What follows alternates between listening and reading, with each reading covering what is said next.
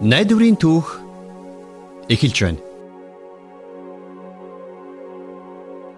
Найдварын түүхийн өнөөдрийн дугаараар бид Рахаб Бурханд итгэсэн янхан эмэгтэй химээх нэгэн сонирхолтой түүхийг бэлтгэн хүргэж байна. Энэхүү түүхийг Библийн Йошуа номонд гардаг үйл явдлаас сэтвэлсэн юм. Тэгэхээр Израильчуудын удирдагч Йошуа Канаан химэх нэртэй Бурхны амлсан газрыг эзлэхээр Израильчуудыг дагуулan орохдоо Ерихо хотыг тагнуулахаар хоёр залуу туршуулыг илгээсэн байдаг. Улмаар Йошуагийн илгээсэн туршуулууд Ерихо хотод нэвтэрч нэгэн янхан эмэгтэй Рахабын герт байрлсан байна. Нагивч Ерихогийн хаан тэдний тухай олж мэдээд баривчлуулахаар хүмүүсээ Рахабын гэрлүү илгээсэн боловч Рахаб хоёр туршуулыг нууж хааны элч нар тэднийг аль хэдийнэ явсан хэмээн хэлсэн юм. Ингээд хааны элч нарыг явсны дараагаар Рахаб Израилийн туршуулуудтай ярилцаж Бурхан Израилийн ард түмэнтэй хамт гэдэгт үргэлж итгэж явдаг тухайга тэдэнтэй хуваалцсан. Бурхан Израильчуудыг яаж хамгаалan чиглүүлж ирснийг Рахаб сонссон байж. Тэм учраас Ирихог эзлэхээр эрэхтэй. Гэр бүлийнхнийх нь амь насыг хилтрүүлж өгөхийг Рахаб тэр хоёр туршуулаас гуйсан байна. Бас гэр бүлийг нь аюулаас хамгаална гэдгийг батлах тэмдгийг тэднээс хүсжээ. Туршуулууд зөвшөөрч Ирихо хотыг эзлэх үед Рахабын гэр бүлийнхний амийг хилтрүүлэх болно гэсэн андгай тангарагыг өгсөн байна. Ингээд Рахаб тэднийг цонхоор олсоор доош нь буулгаж тэд ч хуарн руугаа буцсан юм. Харин Израильчууд Ирихо хотыг эзлэх үед Рахабыг гэр бүлийнхний бүгдийг гертэ цуглуулж таних тэмдэг болгон цонхноос улаан уяа унжуулах ёстой хэмээн тэд тохиролцсон байлаа. Туршуулуудыг эргэж ирэх үед Израильчуудын удирдагч Йошуа тэдний тохиролцооны талаар мэдж бүх Израильчуудад урьдаас сануулсан байдаг. Рахаб ч мөн тохиролцсон ёсороо үйлдэлсэн. Ингээд Израильчууд Ирихог эзлэх үед Рахаб болон тэрний гэр бүлийнхэн амьд үлдэж Израильчуудын дунд хамт амьдрах болсон түүхтэй. Рахаб бодлгүй Салмон химээх еврей эртээ гэрлэж Боаз химээх хүүтэй болсон нь хожим эрх месиа буюу Есүс Христийн өндөр өв дээдс нь болсон юм а. Ингээд Бурханд итгэх итгэлийнхээ улмаас хэрхэн яаж аюулаас аврагдаж Бурхны ард түмний нэг хэсэг болон хүлээн зөвшөөрөгдсөн тухай түүхээ Рахаб өөрөө өнөөдөр бидэнд өгүүлэх болно. Ингээд Рахабын ярианд анхаарлаа хандуулцгаая.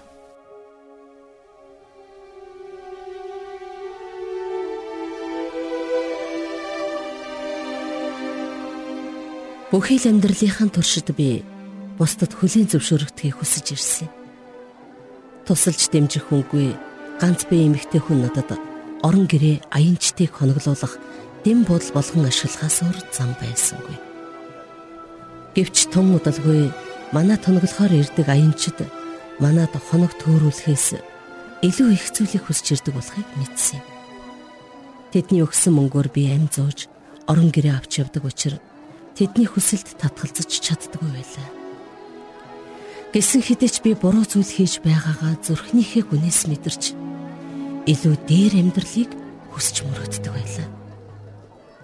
Удахгүй айл хөршийнхэн маань ч намайг дорд үздэг болсон юм.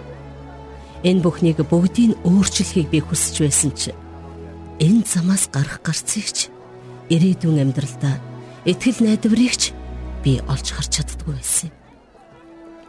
Хэсэг хугацааны дараа би цорын ганц үнэн бурханд итгэж түүнд үйлчилдэг ард түмэн байдаг тухай олж сонссон юм.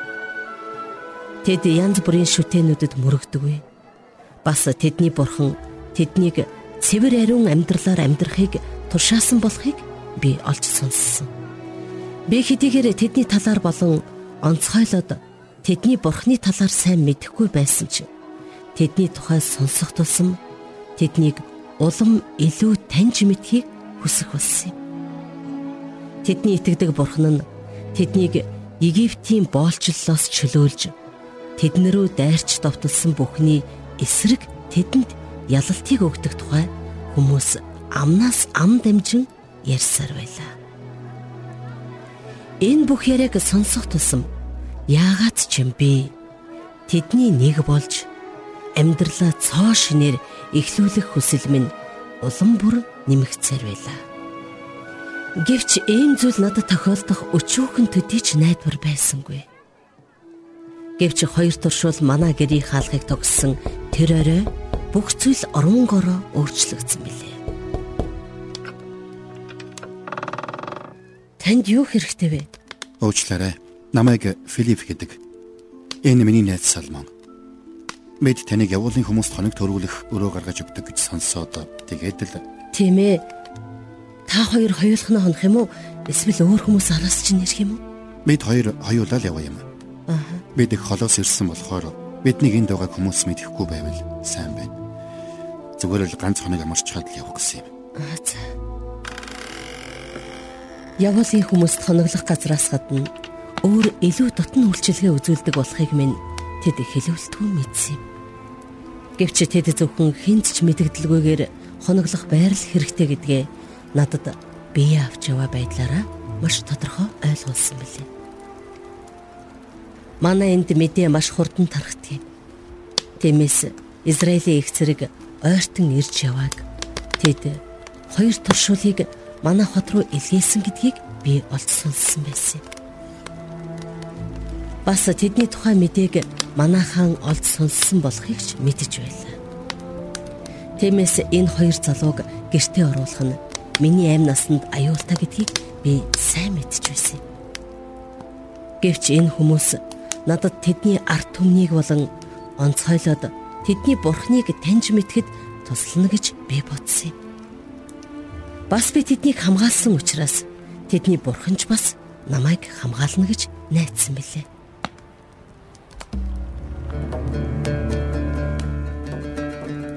та нарыг хэн болохыг яагаад энд ирсний чинь би мэднэ. Бас та нарыг энд байгааг хотын эрх мэдэл бүхий хүмүүс ч мэдсэн шиг байна. Тийм болохоор та нарын амь насанд аюул учраад байна. Цаг алдах хэрэггүй. Намайг дагаад яв. Та нар энэ өрөөнөөс гараад дээвэр дээр гарч нуугд. Тэнд илүү аюулгүй. Уучлаарай. Би таны яриг нэг сайн байна. Та нарыг хэн болохыг яагаад энд ирсний чинь манай хаан мэдэж байгаа. Бас манад ирсний чинь ч мэдж байгаа Хэрвээ тэр та нарыг олох юм бол тэр дор нөхнөх болно. Та нар намайг мэдэхгүй, танихгүй. Гэхдээ гой, надад итэг. Та нар яг одоо нуугдах хэрэгтэй байна. Тийм би. Тэгвэл биднийг бушуухан нууж айл. Алив, ишээ явъя. За.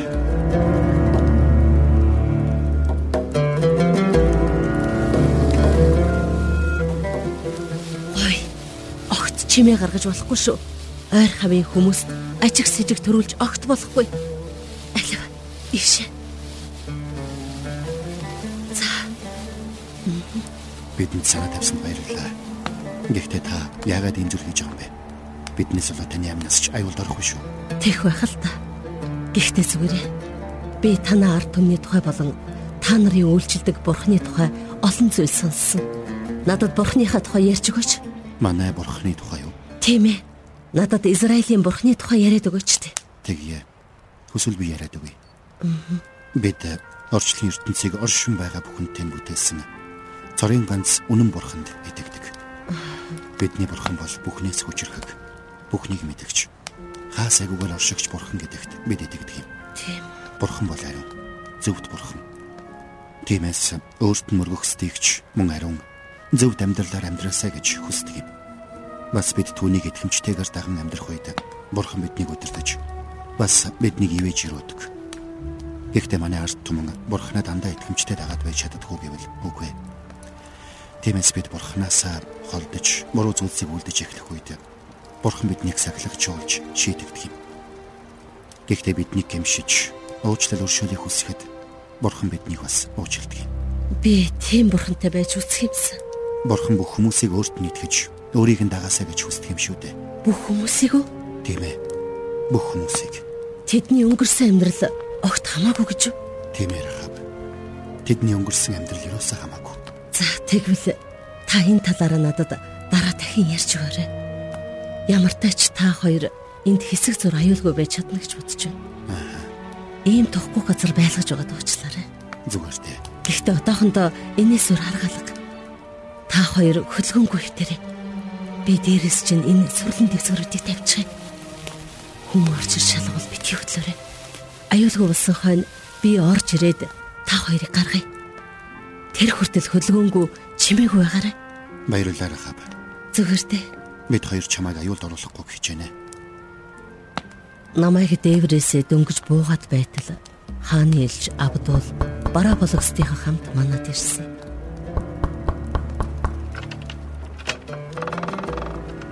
Оо Абдул Аливароч танд юугаар туслах вэ? За Рахаб орой минь. Орой минь. Харамсалтай нь энэ удаа хувийн бус хувьсгалын асуудлаар яв.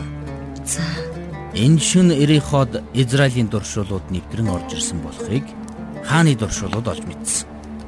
Тиймээс би хааны зараалаар ирлээ. Тийм үү? Танайд ирж герт чинь орсон хүмүүсийг гаргаж ир. Учир нь тэд энэ нутгийг бүхэлдэн тандахаар ирсэн байна. Тийм ээ. Над дээр хүмүүс ирсэн. Гэвч хаанаас ирснийг би мэдсэнгүү.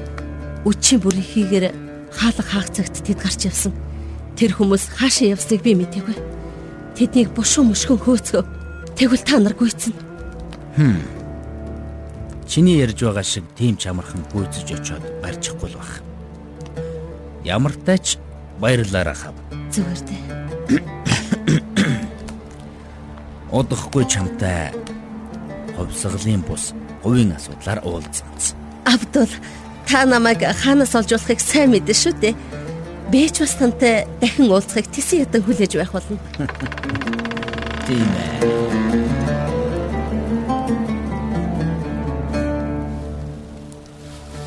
Филипп, Салмон хааны хүмүүс явчихлаа.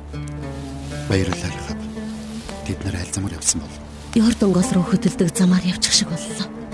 Та нарыг тэр замаар буцсан гэж бодсон бол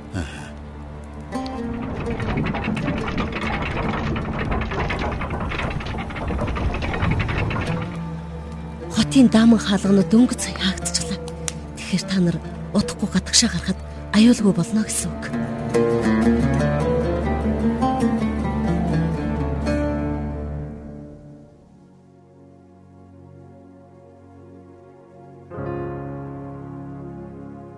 Найдварын түүх маань удахгүй үргэлжлэх болно. Ирихо хотод амьдардаг янхан эмэгтэй Рахаб Израильчуудын бурхныг таньж мэдхийг маш их хүсдэг байжээ. Тиймээс ч Израилийн хоёр туршуул хотод нь ирж тэднийг хоноглох үед Рахаб тэднийг Ирихогийн хааны элч нараас нууж тэдний амийг аварсан юм. Хааны элчийг ирэх үед Рахаб тэднийг төөргдүүлж Йордан голыг чиглэсэн замаар явуулсан байна. За ингээд энэхүү сонирхолтой түүх маань цаашдаа хэрхэн өрнөхийг одоо үргэлжлүүлэн сонсцгоё.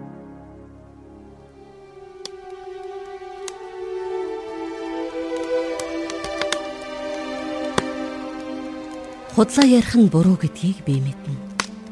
Бас туршуулуудыг нууж байсныг минь хаан мэдвэл би амнасаа алдах болно гэдгээч сайн мэдж байсан. Гэвч би амьдралаа өөрчлөхийг үнэхээр хүсэж байлаа.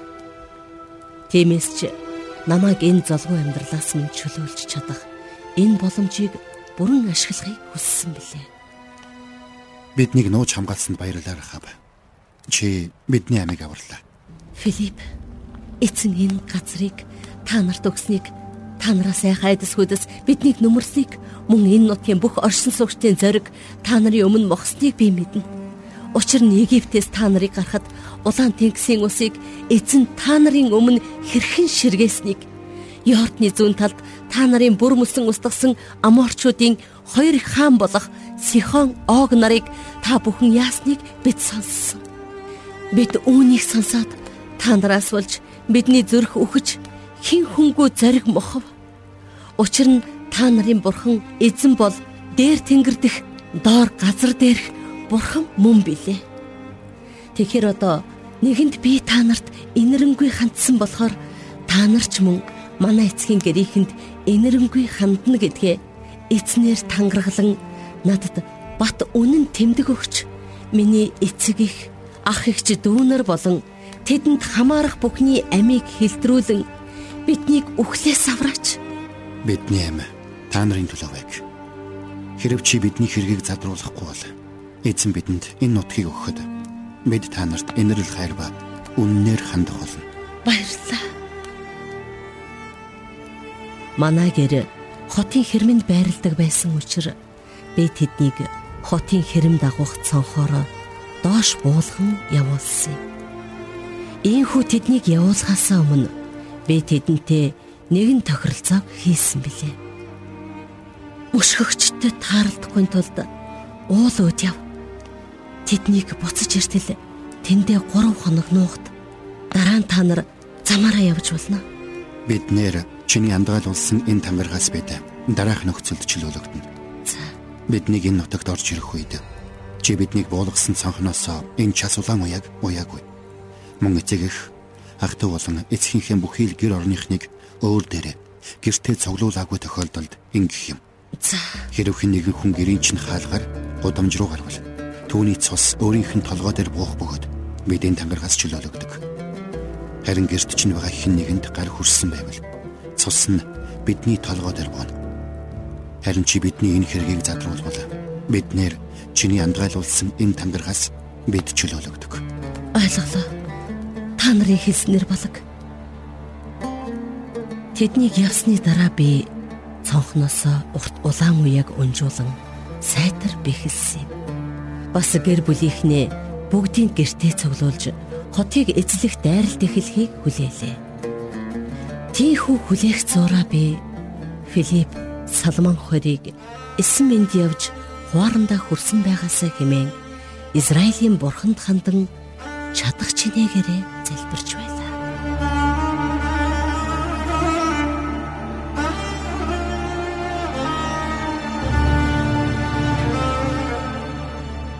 За, сайн яваад ирцгээв.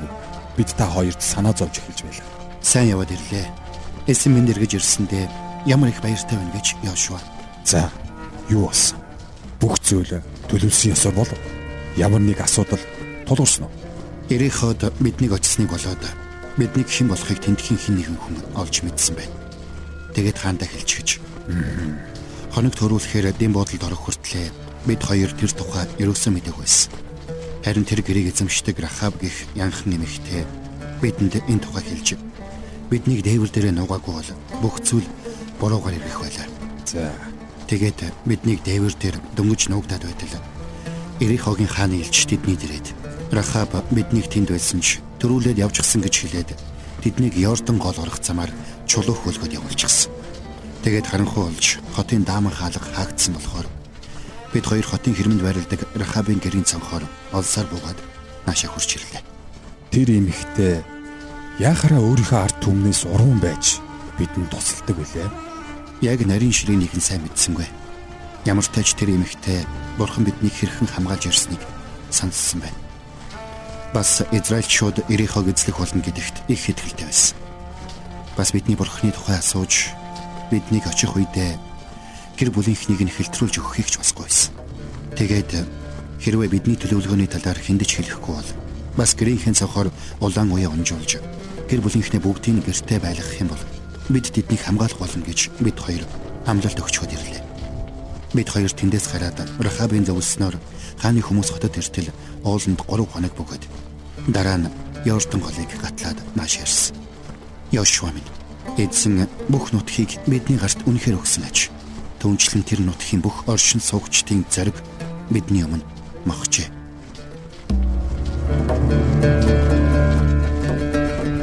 Төд удалгүй Израильчууд манай хотын хэрмэнд тулж ирлээ. Гэвч тэдний дайралт миний бодож байсан шиг байсангүй. Тэд 6 өдрийн туршид Ирихо хотын хэрмийг нэг удаа тойроод ойролцоо хуарн руу буцдаг байна. Тэдний их цэргийн өмнө 7 тахилч явж хуцын эврээр хийсэн бүрээг үлээж явлаа. Харин тэдгээр тахилч нарын хойно ямар нэгэн авдартай зүйл мөрлсөн хідэн хүн явж харагддаг байлаа. Тэрхүү авдартай зүйл нь Израильчүүдийн бурхантай байгуулсан гэрээний авдар болохыг би хожим нь олж мэдсэн юм. тахилч нарын урд зэвсгэлсэн хамгаалагчид алхаж явсан бол гэрэний авдрын ард өөр хэсэг хамгаалагчид яваа харагдана. Эхний 6 өдрийн туршид тахилч нарын үлээх эвэр бүрээ болон алхаж буй цэргүүдийн хөлийн чимээнээс өөр юу ч сонсогдсонгүй. Тэр их цэрэг нэгч чимээ гаргасангүй. Харин 7 дахь өдрөө тэд хотыг 7 удаа тойрлоо. Ингээд 7 дахь удаага хотыг тойрч дуусах үед тахилч нар эвэр бүрээгээ чангаар үлээж эхлэхэд нөхцөл байдал оронгороо өөрчлөгдсөн билээ.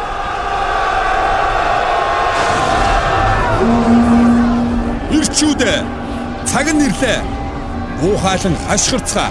Учир нь эзэн та нарт энэ хотыг өгсөн. Хот болон түүн доторх бүх юмс нь эзнийх.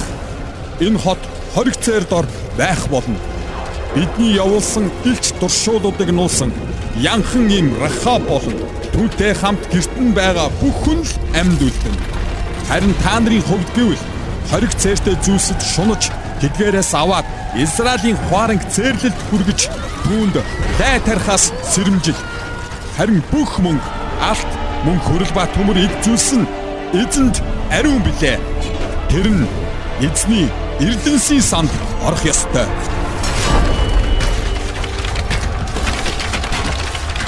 Ийхүү Эрихо хотын өндөр хан хэрэм нуран мунлаа. Израилийн цэргүүдийн ямар ч оролцоогүйгээр зүгээр л бүрээн дуу болон уухайлах дуугаар тэд тэр өндөр хан хэрмийг нурааж өргөсөн юм. Тэдний хот руу дайран орж ирэхэд би цонхноосоо унжуулсан улаан уяага дахин нэг шалгаад хаалгаа төгжин гэр бүлийнхэнтэйгээ хамт гэр дотроо хорогдлоо. Филипп Салмон та хоёр янхан эмийн гэрт очиж түнд андгаасныхаа дагуу тэр эмэгтэйг болон түнд хамаарах бүхнийг эндээс гарган авчир. Мэдлээ Йошуа.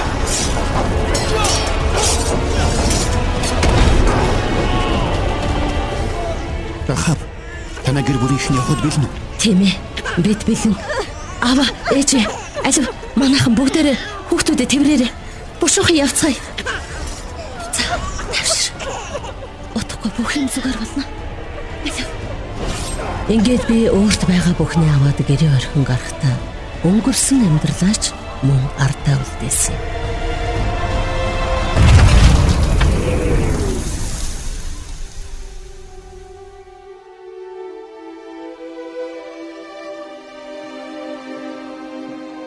Йошуа, Филипп, Салман нарч биднийг орхиогүй. Тэд манай гэр бүлийг Израилийн хоорондын захад төвхөрүүлсэн. Удалгүй Канаан нутагт шин амьдралаа эхлүүлэх үедээ Израильчууд биднийг өөрсдийн нэг хэсэг болгон хүлээн авсан. Би ч тэдний тухай бас онцгойлоод Израилийн бурхны тухай илүү ихийг олж мэдэн Израилийн бурхан эзэнд итгэн амьдрах болсон юм. Бас Израилээр Салмон миний өнгөрсөн амьдралыг үл тоон надтай гэрэлсэн. Бид хамтдаа Боас химэх үүтэй болж химжээшгүй их баяр жаргалыг мэдэрсэн билээ. Боас хүмүн ухаантай, хүчтэй, хүсэл тэмүүллэр дүүрэн хүү. Бурхан хүүг минь гайхамшигтайгаар хэрэглэнэ гэдэгт би итгэлтэй байдаг. Өдөр бүр би намайг болон гэр бүлийнхнийг минь аварсан бурханд магтаалыг өргөдөг. Бас надад миний зүудэлж байгаагүй гайхалтай сайхан шин амьдралыг өгсөнд би талархдаг. Энэ бол хайр халамж, амар тайван, магтаал хүндлэлээр дүүрэн амьдрал. Би энэ л амьдралыг гэр бүлийнхэнтэйгээ төдийгүй уулзсан бүхэнтэй хуваалцахыг хүсдэг. Учир нь энэ амьдрал биднийг хожим тэнгэрт бий орон гэрлүү минь буюу мөнхийн амьдрал руу хөтлөх амьдрал билээ.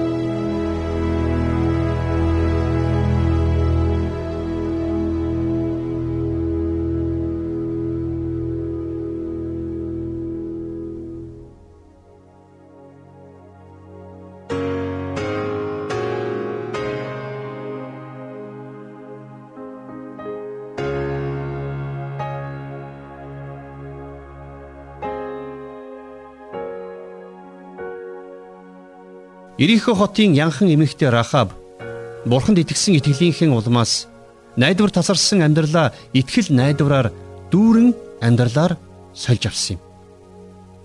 Бурхан Израильчуудыг Египтийн боолчлолоос чөлөөлж цөл дунд тэднийг хамгаалан сахиж тэдний дунд хэрхэн гайхамшигтай ажлуудаа хийж байсан талаар Рахаб хүмүүсээс олж сонссон байлаа. Тиймээс гэрийнх нь гадаа ирсэн Израилийн туршуулуудыг Рахаб таньсан даруйда тэднийг ямар ч эргэлзээгүйгээр Ирихогийн хааны цэргүүдээс нуусан юм. Бас Израилийн их цэрэг Ириход ирэх үед гэр бүлийнхнийг нь авран хилтрүүлэхийг Рахаб тэдгээр туршуулуудаас гуйжээ. Туршуулууд ч гуйсан ёсоор нь биелүүлж Рахаб болон тэрний гэр бүлийнхэн үхлийн аюулаас аврагдсан түүхтэй. Тэгэхээр Рахаб бурханд итгэсэн учраас бурхан тэрний гэр бүлийг авран хамгаалаад зогсохгүй тэднийг Израилийн ард түмний нэг хэсэг болгож өгсөн юм. Ингээд Рахаб Салмон химэх Израиль эрттэй гэрлэж Бовас химэх хүүтэй болсон нь хожим ирэх Месиа буюу Есүс Христийн өндөр өвөг дээдс нь болсон байдаг. Тийм ч учраас Матай номын 1-р бүлэгт Есүсийн ургийн бичгийг өгүүлэхдээ 5 дугаар ишлэлдэр Салмонд Рахабар Боаз төржээ гэж тэмдэглэгдсэн байна. Та бодоод үзтээ.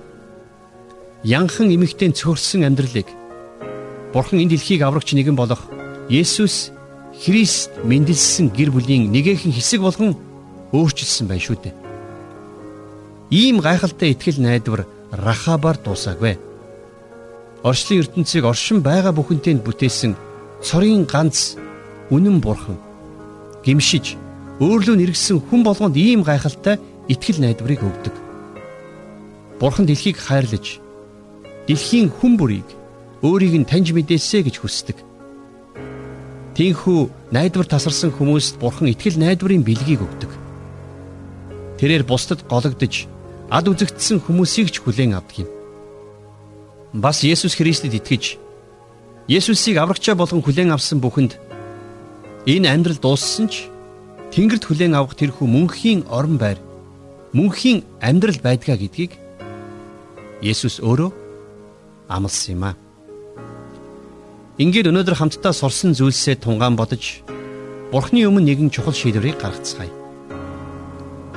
Хүн болгон гим нүгэлтэн гэдгийг Бурхны үг тодорхой хэлдэг. Бүгд нүгэл үлдсэн тул Бурхны алдар сууд хүрдэггүй гэж Ром номонд бичсэн байна.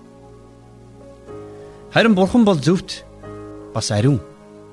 Тийм ч учраас Бурхан болон бидний хооронд гим нүгэл үргэлж хаалт болж ирсэн. Учир нь та бид нар өөрсдийнхөө гим нүглээс болоод Бурханаас тусгаарлагдсан юм. Хэдийгээр та бид нар гим нүгэлтнүүд боловч Бурхан бидэнд хайртай. Бурханы хайраас та биднийг юу ч хинч салгаж чадахгүй. Бас бидний бурхан бол уучлалын бурхан. Тэм учраас бурхан гим нүгэлтэд та бидэнд гим нүглээ уучлуулж бурхантай харилцах харилцаагаа дахин сэргээх гайхамшигтай боломжийг өгсөн билээ. Тэгэхээр би одоо энэ цагт бурханы өмнө нэгэн чин сэтгэлийн залбирлыг хийх гэж байна. Та намайг сонсоод дараа надтай хамт залбираарай. Бурхан минь ээ. Би гим нүгэлтэй гэдгээ мэднэ. Би өөрийнхөө гим нүгэлтэн гэдгээ таны өмнө хүлээн зөвшөөрч байна. Би гим нүгэл үлдэхдээ харамсан гимшиж байна. А гисэн хэдий ч та намайг одоо ч хайрласаар байгаад баярлалаа. Та надад гим нүглээ уучлуулах замыг зааж өгсөн учраас танд талархаж байна. Би таны тэрхүү замыг улам илүү таньж мэдхийг хүсэж байна. Есүсийн нэрээр залбирч байна. Амен. За одоо та энэхүү залбирлыг намайг дагаад хийгээрэй. А мэдээж ингэхдээ та чин зүрхнээсээ бурханд хандан залбираарай. Бурхан минь ээ. Би гим нүгэлтэй гэдгээ таны өмнө хүлээн зөвшөөрч байна. Би гим нүгэл үйлдсэндээ харамсан гимшиж байна. Гэсэн ч та намайг одоо ч хайрласаар байгаад баярлалаа. Та надад гим нүглээ уучлуулах тэр замыг өгсөн учраас баярлалаа. Би Есүс Христийг улам илүү таньж мэдхийг хүсэж байна. Би энэ бүхнийг Есүсийн нэрээр залбирч байна. Амен. За энэхүү дотн залбирлыг надтай хамт хийсэн танд баярлалаа. Найдварын түүхүүд сурлынхаа дараа дараачийн дугаараар Бурхан бидэнд гим нүглээ уучлуулах ямар арга замыг өгсөн бэ гэдгийг бид илүү тодорхой мэдэж авах болно. Ингээд дараачийн дугаараараа бид өлсгөлэн арслангийн үүрэнд нэгэн шүнийг өнгөрүүлсэн нэг эрийн тухай сонирхолтой түүхийг хамтдаа сонсох болно.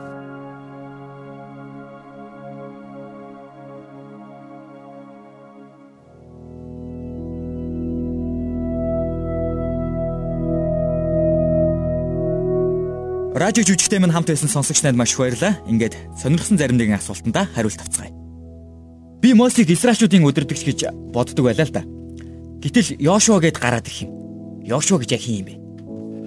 Мосе Израильчүүдийг 40 жилийн турш удирдсан. Энэ бүх хугацаанд Йошуа түүний баруун гарын чухал туслагч байсан. Улмаар Мосег нас барсны дараа Бурхан Йошуаг Израильчүүдийн дараагийн удирдагч болгон томилсон байдаг. Йошуа сайн хүн байснаас гадна Израильчуудыг удирдсан агуу удирдагч байсан. Тэр Бурхныг хайрладаг, Бурхныг дуулууртай дагдаг хүн байсан болохыг Библиэд тодорхой бичиж үлдээсэн байдаг. Ирихо хот хаан байсан бол ягаад Израильчууд энэ хотыг эзлэхийг хүссэн болов? Ирихо хот бол олон зуун жилийн өмнө Бурхны Авраамд амласан Канаан газарт байсан хот юм. Тэр нутгийг Израильчууд амлагдсан нутаг гэж нэрлэдэг байсан. Авраамаас хойш Израилийн ард түмэн Египтийн нутагт 400 жил боолчлогдсон байдаг.